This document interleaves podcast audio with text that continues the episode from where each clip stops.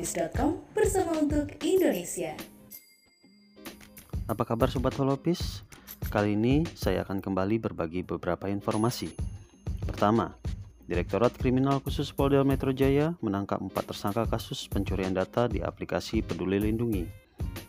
Dari empat pelaku yang ditangkap, dua orang berperan sebagai penjual dan dua orang lagi berperan sebagai pembeli.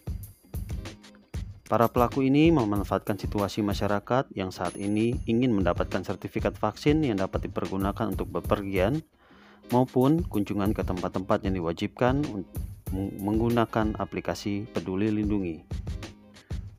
Selama menjalankan aksinya, pelaku sudah menjual 93 sertifikat vaksin yang terhubung dengan aplikasi Peduli Lindungi.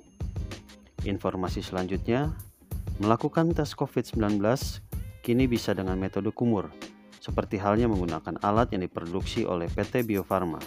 Alat tersebut dinamakan Biosaliva. Biosaliva juga telah mendapatkan izin edar dari Kementerian Kesehatan pada 1 April 2021. Alat ini memiliki sensitivitas hingga 95% sehingga dapat digunakan sebagai alternatif selain menggunakan PCR kit. Demikian informasi yang disampaikan bersama saya, Ronald Petrus. Hobbies.com bersama untuk Indonesia. Halo, apa kabar Sobat Holopis? Pasca ditangkapnya Reza Coki Pardede oleh jajaran Satuan Narkoba Polres Metro Tangerang Kota dalam kasus penyalahgunaan narkoba, Majelis Lucu Indonesia atau MLI angkat bicara. Rekan talent Coki Pardede, Tretan Muslim menyatakan bahwa penangkapan sahabatnya oleh kepolisian tersebut adalah memang benar. Ia juga menyampaikan bahwa manajemen MLI sudah menyerahkan sepenuhnya proses hukum terhadap rekan kerjanya oleh aparat yang berwajib. Ia mengatakan melalui akun Instagram pribadinya, kami mengkonfirmasi berita tentang ditangkapnya Coki Pardede dan kami menyerahkan proses hukum kepada yang berwajib. Dalam kesempatan yang sama pula, CEO PT Jenaka Sumber Rejeki yang menaungi brand besar Majelis Lucu Indonesia, Patrick Effendi juga menyampaikan permohonan maafnya atas kasus yang menimpa salah satu talentnya tersebut. Ia menyarankan bahwa manajemennya sedang mengupayakan langkah-langkah selanjutnya terkait dengan dampak buruk yang terjadi di dalam kasus yang menyeret salah satu talentnya tersebut. Kita lanjut ke berita berikutnya mengenai vaksinasi.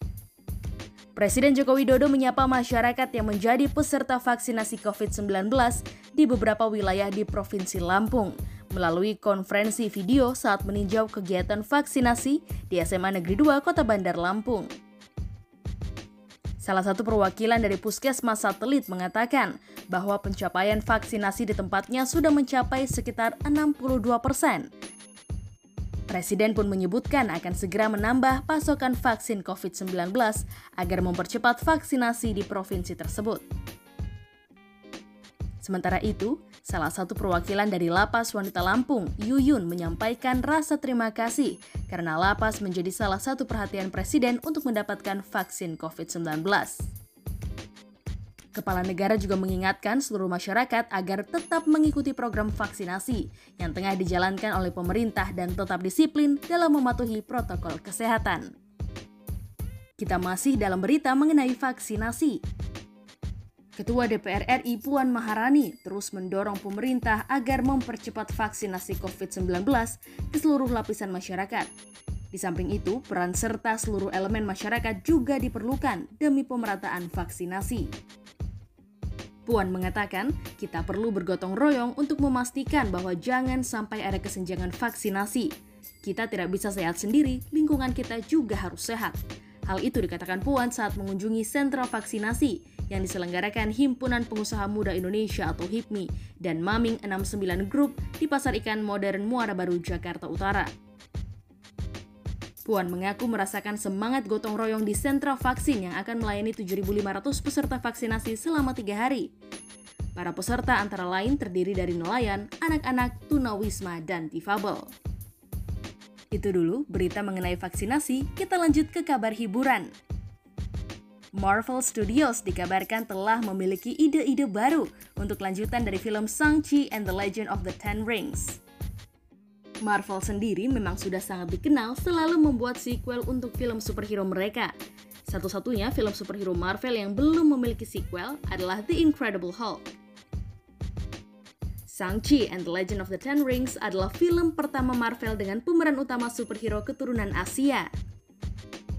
Diceritakan dalam film, sosok Shang-Chi adalah seorang seniman bela diri yang dikenal karena kemampuan tempurnya yang luar biasa ia juga memiliki teknik menyalurkan aura untuk meningkatkan kemampuan fisiknya.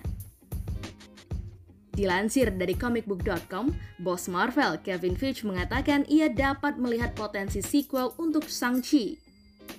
Feige juga mengatakan bahwa tanda sebuah film sukses adalah ketika orang-orang tidak hanya sibuk memberikan pertanyaan mengenai karakter utamanya saja, Hal tersebut terlihat dari banyaknya para penggemar yang sangat antusias melihat aktor-aktor Asia lainnya yang turut mengambil peran dalam film ini.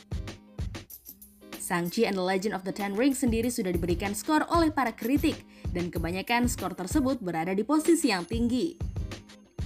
Biasanya, hasil-hasil skor ini bisa menjadi penggambaran bagaimana reaksi publik terhadap sebuah film jika sudah dirilis secara global.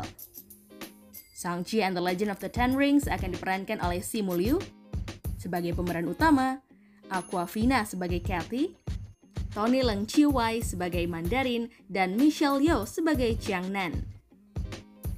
Jadi nggak sabar nih nonton Shang-Chi? Itu dulu berita dari saya, Brenda Iskarina. Sampai jumpa. Hobbies.com bersama untuk Indonesia.